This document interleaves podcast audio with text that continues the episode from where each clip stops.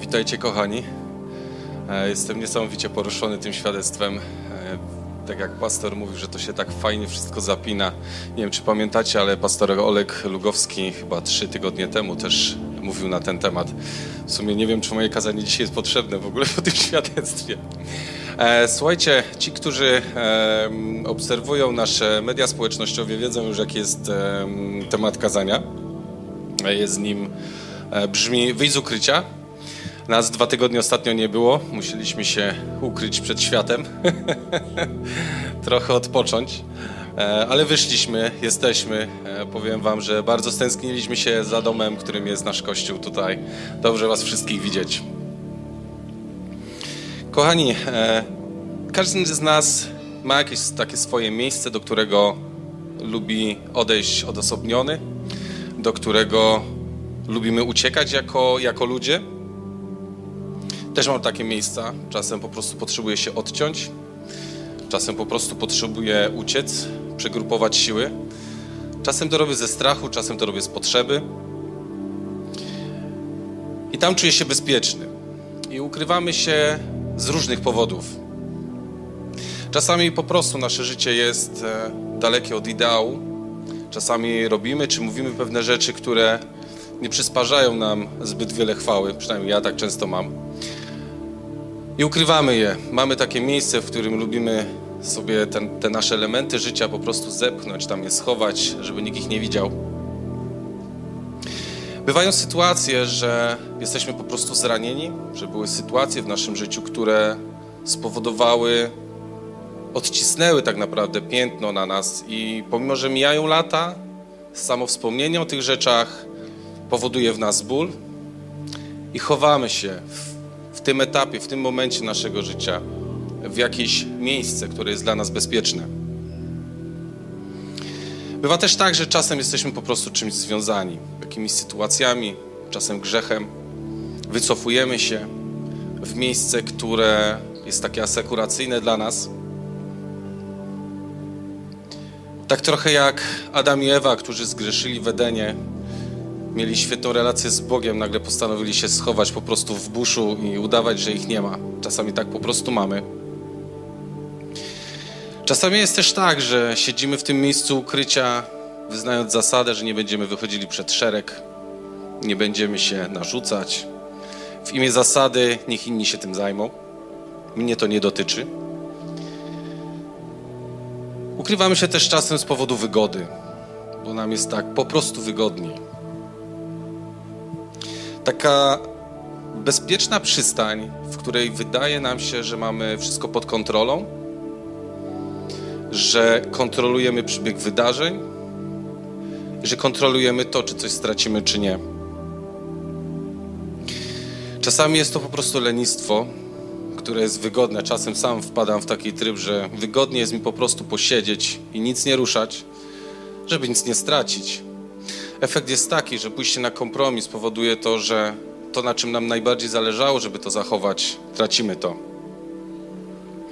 I niezależnie od tego, jak sobie tłumaczymy te wszystkie nasze zachowania, czy jak ja sobie je tłumaczę, czy to tłumaczenie jest bardziej pozytywne, czy jest e, bardziej negatywne, czy to tłumaczenie jest dobre, czy jest złe, niezależnie od tego, za każdą tego typu sytuacją stoi strach.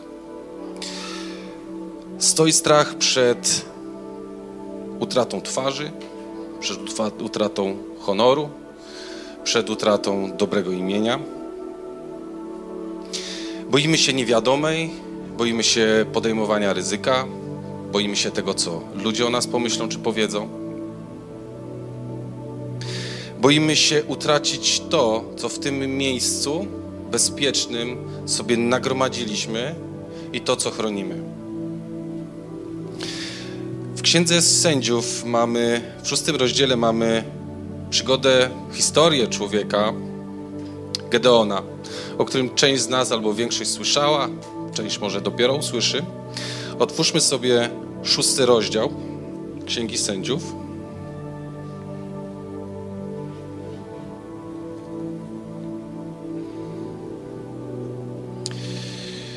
Gedeon był takim samym człowiekiem jak, jak każdy z nas. Miał swoje życie.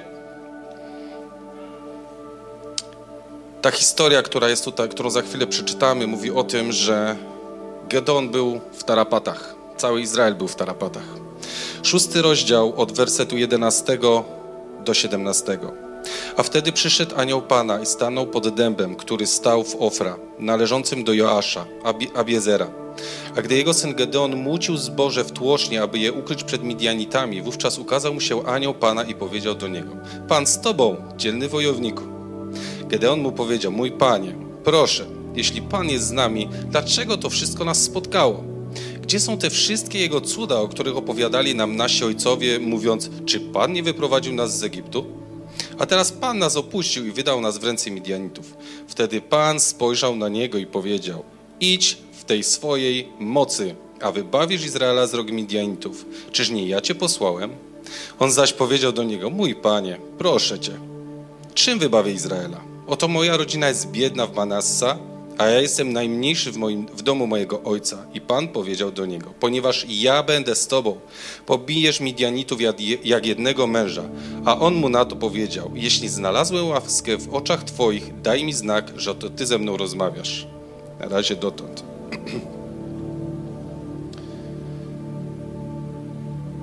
Czy jest ktoś na sali, kto nigdy nie przechodził problemów? Czy jest ktoś, kto, kogo życie jest usłane różami, bo już wiemy dzisiaj ze świadectw, że nie? Czy jest ktoś taki? To dobrze, bo by się nudziło na tym kazaniu. E, dlatego, że każdy z nas przechodzi przez różne trudności, różne sytuacje, e, ucisk, czyli coś, co nas przyciska, wyciska różne rzeczy, czasami dobre, czasami złe. E, I tutaj widzimy Gedeona, który żyje w czasie, który był bardzo trudny dla, Izraela. Izrael był po prostu gnębiony przez Midianitów, którzy wpadali do Izraela, rabowali co się działo. Izrael cierpiał głód, cierpiał ucisk. E, podejrzewam, że też byli mordowani, bo nie były to bardzo humanitarne czasy. I mamy Gedeona, który muci zboże w tłoczni.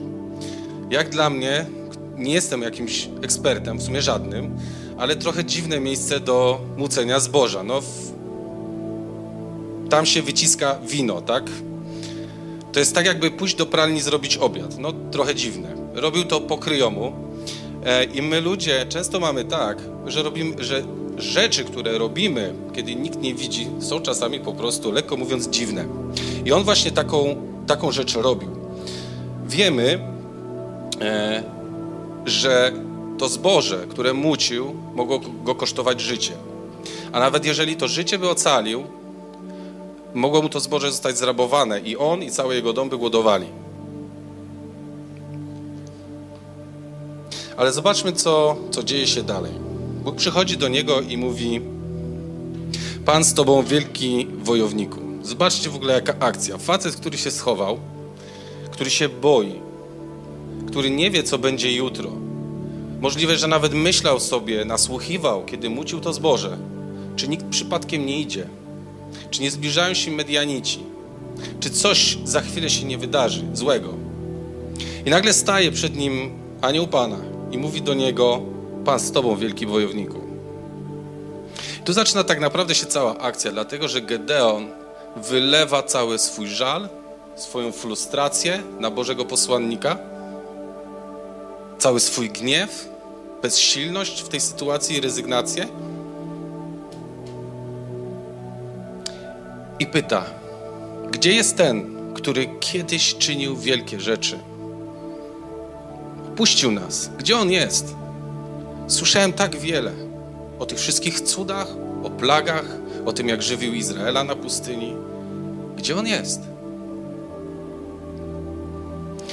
Ale Bóg jest niesamowity, nie rezygnuje. Nie mówi mu, dobra, jak nie chcesz, to nie, jak nie wierzysz. Bóg do niego mówi, idź w mocy swojej, czy nie ja cię posłałem. I widzimy tutaj dalej, że Gedeon przez lata pielęgnował to miejsce ukrycia, ukrycia, w którym był. To miejsce, w którym się zabarykadował. Uważa się za kogoś, kto jest najmniejszy w domu swojego ojca za kogoś w ogóle niewartościowego, za kogoś, kto nie ma żadnej możliwości, żadnej siły, żadnej opcji. To, co on wypowiada tutaj, mówi w skrócie: Nie ma możliwości, żeby się to udało. Po prostu nie ma takiej opcji. Okoliczności ilość obowiązków, problemów, często które sami sobie wytwarzamy lub tak je wyolbrzymiamy, powoduje to, że patrzymy w ten sposób, że to się po prostu nie może udać. Ale Pan mówi: Będę z Tobą. I choć Gedeon dalej nie wierzy, bo mówi do anioła: To mi potwierdź, że rozmawiam z Tobą. Mówi: Potwierdź mi. Mimo wszystko, jednak jakaś iskierka się w nim zapala. Dlatego, że mógłby całkowicie się od tego odciąć i powiedzieć: Ja sobie siedzę tutaj, mi tu jest wygodnie, nie będę wychodził przed szereg, nie będę pierwszy, niech to inni zrobią. Mimo wszystko, że jest w miejscu, w którym jest, zapala się jakaś iskierka nadziei i mówi do Boga: Potwierdź mi. I my tak mamy bardzo podobnie w swoim życiu. I tak jak Gedeon, po jego wypowiedzi można wywnioskować, że był w miejscu, w którym był, ale był zły na to miejsce. On był sfrustrowany tym miejscem, w którym był, że jest bezsilny. Zdawał sobie sprawę z tego, że sam nic nie może. Zdawał sobie sprawę z tego, że sam nic nie może, ale chciał coś z tym zrobić.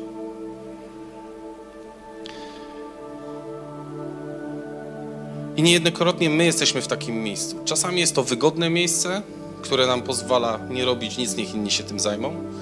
Czasami to jest takie miejsce, w którym po prostu jesteśmy z bezsilności i nie wiemy, co mamy z tym zrobić.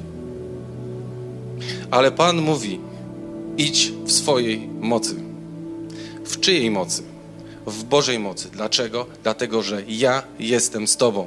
I to jest niesamowite. Bóg kazał Gedeonowi wyjść z ukrycia. Jak wiemy z dalszych kart Biblii, z historii, że Gedeon podjął się wyzwania, które Bóg mu dał. Następną historią, którą, czy sytuacją, którą miał Gedeon, było to, że Bóg mu powiedział, że ma rozwalić posąg Baala. Ma postawić ołtarz i złożyć na nim ofiarę. Gedeon to zrobił, ale się bał. Bał się znajomych, bał się ludzi, bał się swojej rodziny. Nie wiedział ani jak zareagują, ani co powiedzą. Więc wziął sobie kilku swoich ludzi i poszedł zrobić to w nocy.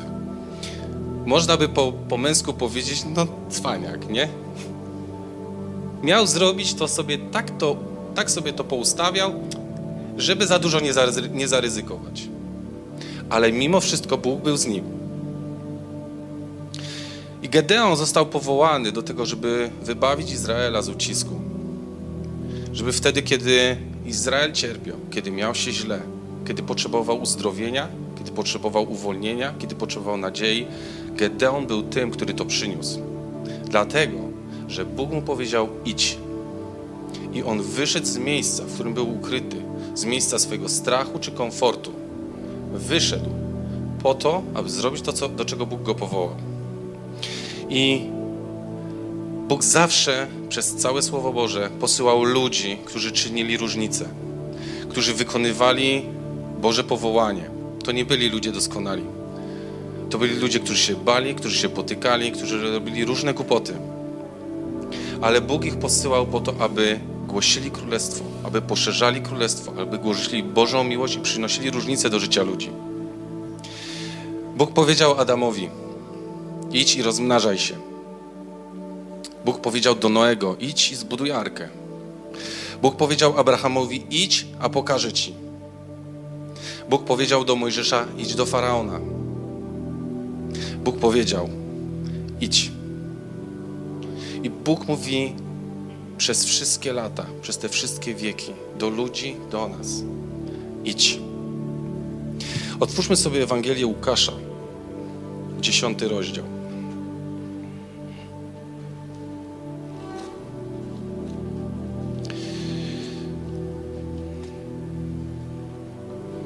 Ewangelia Łukasza, przepraszam, dziewiąty rozdział, wersety 1-2.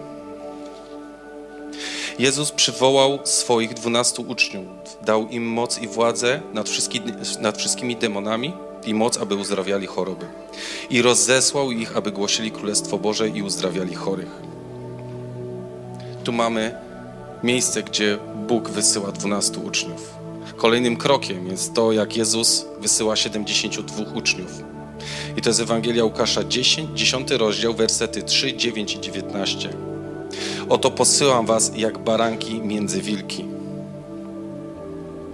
I uzdrawiajcie chorych, którzy w nim są, i mówcie im, przybliżyło się Królestwo Boże. I werset 19. Oto daję wam moc stąpania po wężach, skorpionach i po wszelkiej mocy nieprzyjaciela, i nic wam nie zaszkodzi. Kogo Jezus posyła? Kogo Bóg posyła? Bóg posyła ludzi, takich jak ja i ty, mających swoje ograniczenia, mających swoje historie, mających swoje obawy, ale posyła każdego z nas. To nie jest do wybranych, to nie jest dla tych, którzy się super trzymają, którzy są godni, którzy chodzą, e, chodzą na każde nabożeństwo, którzy czytają codziennie Biblię i codziennie są w komorze. To są też tacy ludzie, którzy czasem po prostu przez tydzień nie wiedzą, co mają zrobić. Każdy z nas, to o czym dzisiaj Magda mówiła, po prostu być gotowym. Tak jak Gedeon był w fatalnej sytuacji. W głowie też nie miał poukładane tego, dlatego że całe życie był przyzwyczajony do czego innego. A Bóg mu mówi: idź w mocy swojej. Czym jest ta moc? Z kim idziemy? Magda ci o tym mówiła, Duch Święty mówi. Duch Święty cię wspiera. Oto posyłam was niczym owce między wilki. Z pozoru brzmi no fatalnie. Raczej taka owca wśród wilków nie ma szans. Ale my nie jesteśmy stadem baranów, które idzie na rzeź. My mamy pasterza. Jesteśmy w pełni wyposażeni. Przepraszam. Całe dzieje apostolskie to jest historia owiec, które są, zostały wypuszczone między wilki. To są ludzie, którzy czynili różnicę. Piotr, ten, który się wyparł, który siedział z pochyloną głową potem nad morzem, kiedy Jezus do niego przyszedł, się go pytał, czy mnie kochasz. Potem staje, głosi, trzy tysiące ludzi, pach. To jest nieprawdopodobne.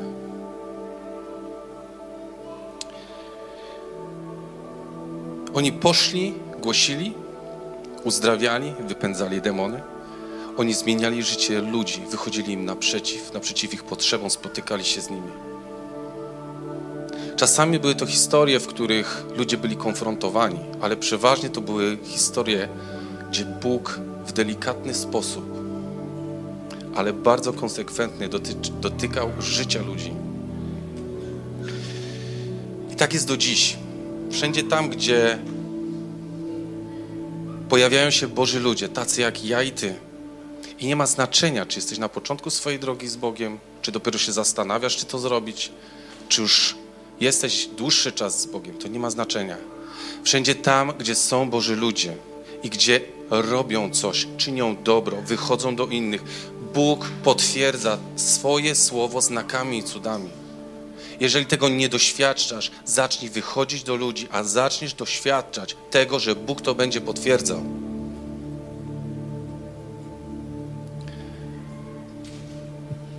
Ludzie nie znają Boga. Ludzie czasem się zastanawiają, tak jak dzisiaj mówiłaś, jest tyle opcji, która jest prawdziwa. Kto im o tym powie? Kto im to przekaże, że żyją w kłamstwie? Znam też takich ludzi, którzy mówią, że w sumie wszystkie drogi prowadzą do Boga, ale którą pójdziesz, to jest obojętne. To jest takie diabelskie kłamstwo, że się w głowie nie mieści. To jest takie fajne, wygodne, bezpieczne miejsce, gdzie można sobie po prostu iść jak się chce, a i tak się dojdzie do tego celu, do którego się ma dojść, bez żadnych konsekwencji. Ci ludzie mają życiowe dramaty, a czasami to są po prostu ludzie, którzy żyją w pysze życia, którzy uważają się, dopóki mają siłę do pracy, siłę do myślenia, uważają się za inteligentnych, nie przyjmują nic. Ale tak naprawdę to jest strach przed tym, co będzie później. Tak naprawdę ta pewność siebie kończy się wtedy, kiedy kończą się pieniądze. Ta pewność siebie kończy się, kiedy nagle człowiek upada na zdrowiu. Ja mam wujka, który jest totalnie, całkowicie niewierzący. W ogóle dla niego Bóg to jest normalnie jak gorący e, ziemniak w rękach. Zadzwonił do mnie ostatnio, jak byliśmy na wakacjach. Nie odebrałem go, pytam się, czy coś pilnego odzwonię później. Odzwoniłem. Ja z tym facetem nigdy relacji nie miałem. To był człowiek dla mnie, który no w ogóle zupełnie inna bajka, inny kosmos. Po prostu dzwonił pogadać. Miał raka, popadł w depresję, miał problemy, gdzieś tam się naświetlał i tak dalej. Mówi, że ma nadzieję, że będzie dobrze. Mówię, Robert, będziemy się o Ciebie modlić. Pierwszy raz mu powiedziałem coś takiego. Nawet nie głosiłem mu Ewangelii, bo wiem, że to po prostu na tym etapie nie ma sensu. Ale nadzieja została zasiana.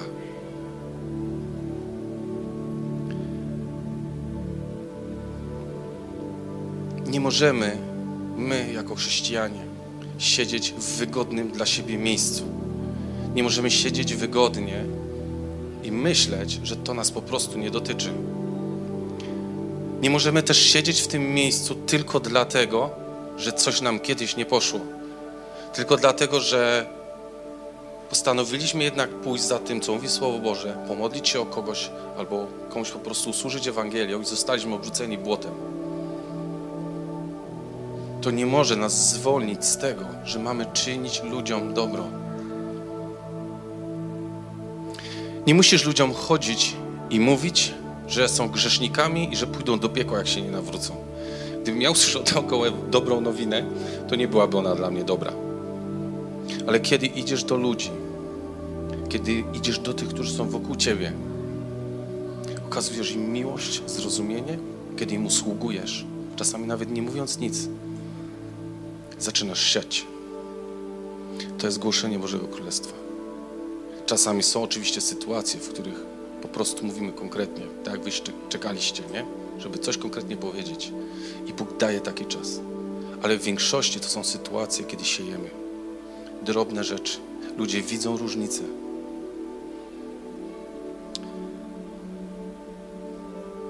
I to wszystko wynika z miłości do ludzi. Jeżeli nie masz tej miłości, jeżeli nie, nie czujesz, to proś Boga, żeby ci ją dał. Ja jakiś czas temu tak miałem. Mówię, Boże, jak ja mam kochać ludzi? Oni mnie tak wkurzają. Gadają takie głupoty, kłócą się, jeszcze są najmądrzejsi na świecie, nadęte takie balony, a Bóg do mnie mówi, ale ty czasem jesteś taki sam. I też Cię kocham. I też z Tobą współpracuję. I też mówię do Twojego życia. I pamiętam, poszedłem wtedy do mojego przyjaciela, takiego pastora Łukasza. I pytam się, Łukasz, mówię, jak Ty to robisz jako pastor, że Ty kochasz ludzi? Ja nie mówię już tych, którzy ci dobrze życzą, którzy to ci uśmiechają, ale ci, którzy ci wbijają nóż w plecy, którzy ci wsadzają kij w szprychy. Zaczął się śmiać mówi, Bartek, to jest dar. Po prostu módl się o to. Wiecie, i zacząłem się modlić. I, I Bóg zaczął zmieniać moje serce do tego stopnia, że relacje z ludźmi, które miałem, a raczej których nie było, można by było nazwać, że to jest gdzieś tam jakaś ścieżka wojenna. Bóg mi powiedział, zrób to czy tamto. Ja bym w życiu jako facet na to nie wpadł. Ja to po prostu zrobiłem, poszedłem za Bożym głosem. Dzisiaj te relacje są po prostu świetne. I wierzę, że będą szły jeszcze dalej. Dlatego, że Bóg mówi, że się mamy unosić ponad tym, ponad naszymi ograniczeniami i patrzeć na ludzi tak, jak Bóg na nas patrzy, poprzez miłość. Mam sąsiada. To jest człowiek, którego poznałem, jak wprowadzaliśmy się do Będzina. Ciężki człowiek. Był wtedy.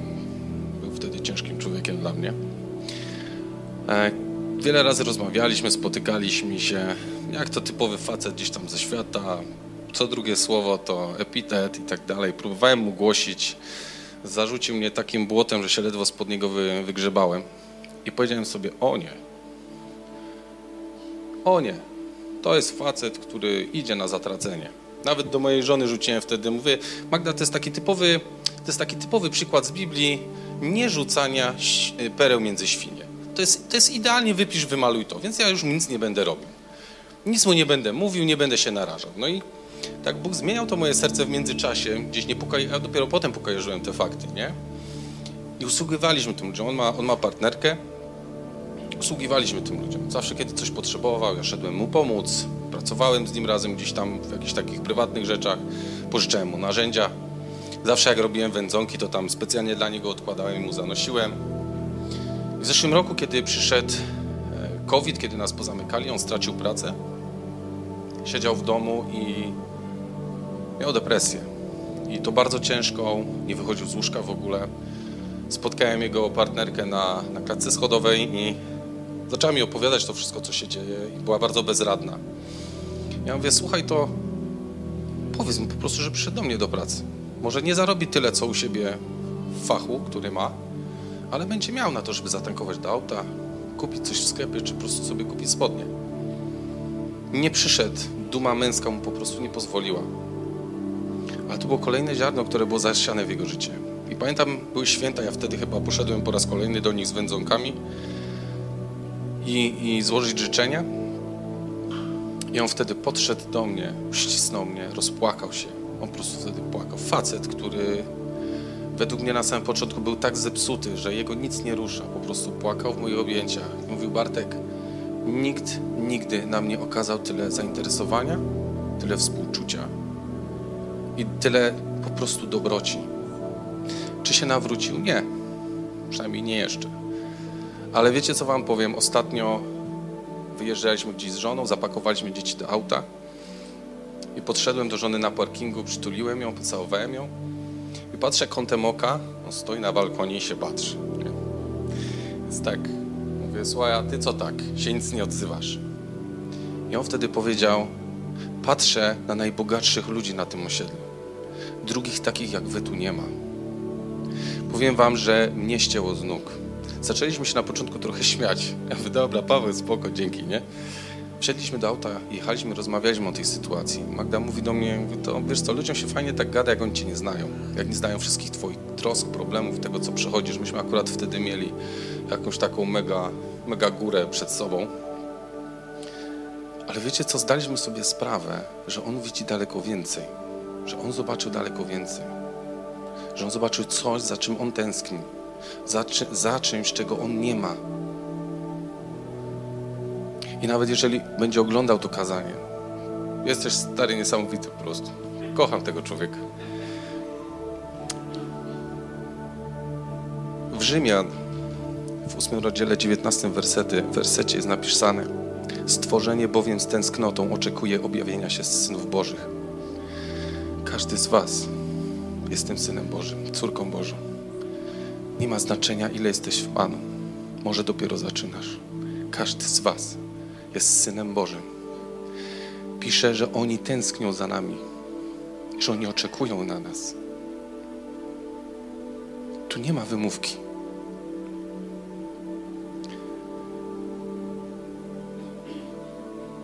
To, co my mamy, to odpowiedź dla tych ludzi. To jest odpowiedź dla tych ludzi. Niezależnie, czy te potrzeby są większe, czy mniejsze, każdy potrzebuje Jezusa. Każdy potrzebuje normalności. Normalność jest tylko w Bogu. Niezależnie od tego, z czym się zmagamy i jakie, jakie doświadczenia przechodzimy, normalność jest tylko z Bogiem. Jezus powiedział coś takiego.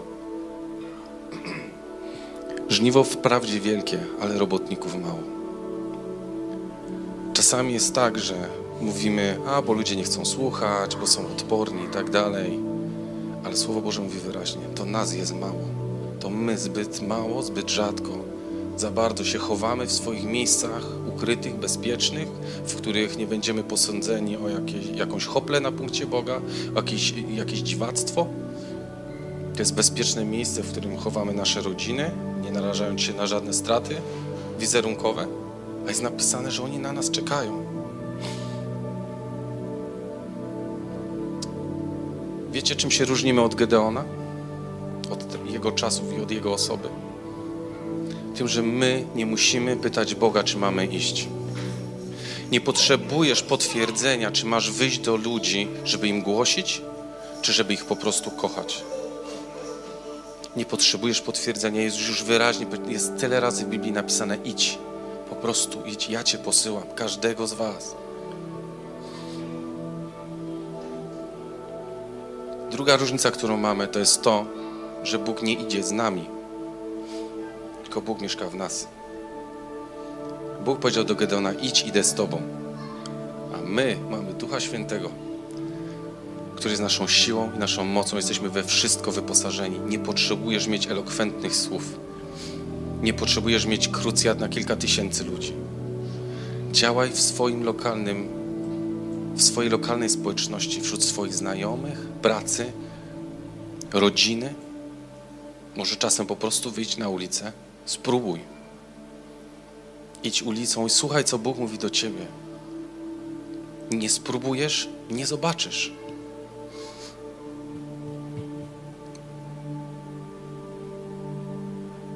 Tak naprawdę żaden strach, obawa czy lenistwo, bo czasem tak po prostu jest, że jesteśmy jako ludzie leniwi i wygodni, nie jest w tej chwili już żadnym usprawiedliwieniem do tego, żeby nie czynić dobra ludziom. W Galacjan, w szóstym rozdziale, dziewiątym wersecie,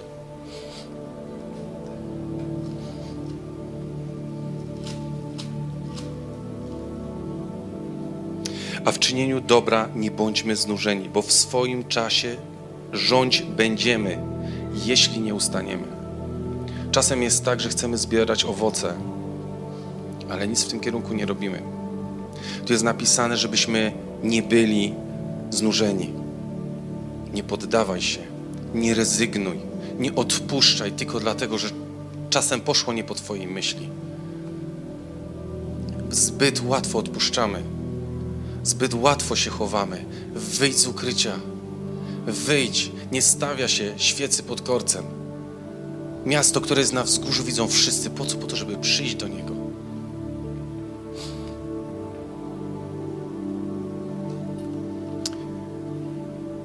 Często mówi się tak, że Bóg jest dżentelmenem i że nie robi nic wbrew czyjejś woli. To jest akurat moja hipoteza. Ja w to do końca nie wierzę. Dlatego, że Bóg po prostu musiałby być bierny na wszystko i czekać, aż wszystko samo się stanie. Teraz wyobraźcie sobie sytuację, choćby taką z ulicy, że idziesz, widzisz kogoś, kto ma chorą rękę albo chorą skórę, ma, nie wiem, jakieś bandaże, albo widzisz, że kogoś coś boli. Podchodzisz do takiej osoby i pytasz się, zaczynasz rozmawiać, nawiązujesz jakąś relację. I w pewnym momencie się pytasz, słuchaj, mogę się Ciebie pomodlić? A ta osoba mówi, nie, słuchaj, ja w to nie wierzę, to są jakieś tam brednie, już tylu się o mnie modliło, tylu robiło różne rzeczy, nic nie zadziałało, ja tego nie chcę. I ty mówisz tej osobie, ale ty nie musisz wierzyć. Ważne jest, że ja wierzę. Ale ta osoba cię odrzuca i odchodzi. Ale ty nie rezygnujesz. W imieniu Króla Królów i Pana Panów, w imieniu, przed którym zegnie się każde kolano, nawet nie zamykasz oczu mówisz, błogosławię Cię. Wypowiadasz uzdrowienie nad życiem tej osoby. I ta osoba może odejdzie i nie stanie się nic w tym momencie. A może nagle zobaczy, że ona zaczyna ruszać ręką, zaczyna oglądać skórę. Może dotyka się w miejscu, w którym ją bolało. Odwraca się i pyta, co ty mi zrobiłeś? Ten, który nie wierzył, czy ta, która nie wierzyła. Takich historii są setki, gdzie Bóg dotknął ludzi, i drogę masz otwartą do serca i do życia.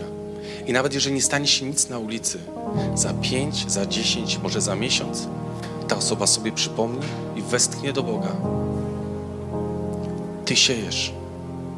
Może ktoś inny to podleje za jakiś czas, a Bóg da wzrost. Nie zniechęcajmy się.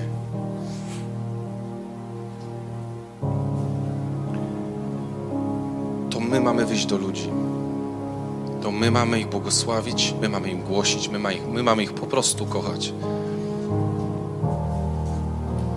Nie możemy się modlić, Boże, przyprowadź ludzi do kościoła w momencie, kiedy Jezus powiedział to wy idźcie. On do uczniów powiedział to wy im dajcie jeść.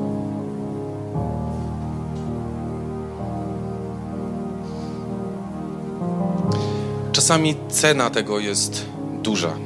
Czasami jest to kwestia przełamania swoich przyzwyczajeń, czasami po prostu utracenia miejsca. Ja tak też nieraz mam, po prostu mojego lenistwa. A czasami po prostu jest tak, że koszta są bardzo duże. Że koszta są duże i czasami stajesz, zastanawiasz się, pytasz się Boga, Boże, czy warto? Czy po prostu warto? Ci powiedzieć, że warto. Ty byłeś warty, Ty byłeś warty, Ty byłeś warty, Ty byłeś warty. Wszyscy byliście warci wszystkiego. Dlatego Jezus oddał życie. I my jako Kościół nie możemy zatrzymywać tego w czterech ścianach. Tylko służmy ludziom z miłością. Tym, którzy są wokół nas. Zacznijmy od małych rzeczy. Jezus powiedział nam nawet, że z mojego powodu będziecie przechodzić prześladowania, będziecie przechodzić ucisk. Ale w Biblii nigdzie nie pisze, że my mamy się, że my mamy jakoś to wytrzymać. W Biblii nigdzie nie jest napisane, że jakoś sobie mamy z tym poradzić. W Biblii też nigdzie nie pisze, że mamy się wycofywać z tego powodu. W Biblii nigdzie nie jest napisane, że z powodu kłopotów, problemów mamy popadać w depresję. W Biblii nie jest też napisane, że mamy się martwić, a wręcz odwrotnie. Jest napisane, że jak przechodzimy ucisk, to mamy się radować. Niby proste, czasami ciężkie, ale to się da. To się naprawdę da. Można przechodzić przez różne problemy i będą one nas dotykać, ale możemy się cieszyć, dlatego że mamy coś, co możemy dać innym. I to jest nieprawdopodobne, że i to jest warte wszystkiego, po prostu wszystkiego. Kiedy widzisz łzy w oczach ludzi, kiedy widzisz, jak Bóg dotyka bezpośrednio z serca człowieka. Biblia mówi, że kiedy będziemy tam po drugiej stronie, będziemy witani. Jak myślicie, przez kogo? Przez tych, którego życia dotknęliśmy. To będzie niesamowite. Nie chciałbym się znaleźć w niebie i stać sam jak palec, podczas gdy ktoś obok jest podrzucany na rękach i jest wykrzykiwane jego imię. My jesteśmy przeznaczeni do tego, by głosić. I może zaczynasz swoją przygodę z Bogiem dopiero. I możesz popełniać błędy tak jak Gedeon, możesz nie dowierzać, możesz czasem po prostu zrobić coś nie tak. Ale pamiętaj, że Bóg jest z Tobą. Amen.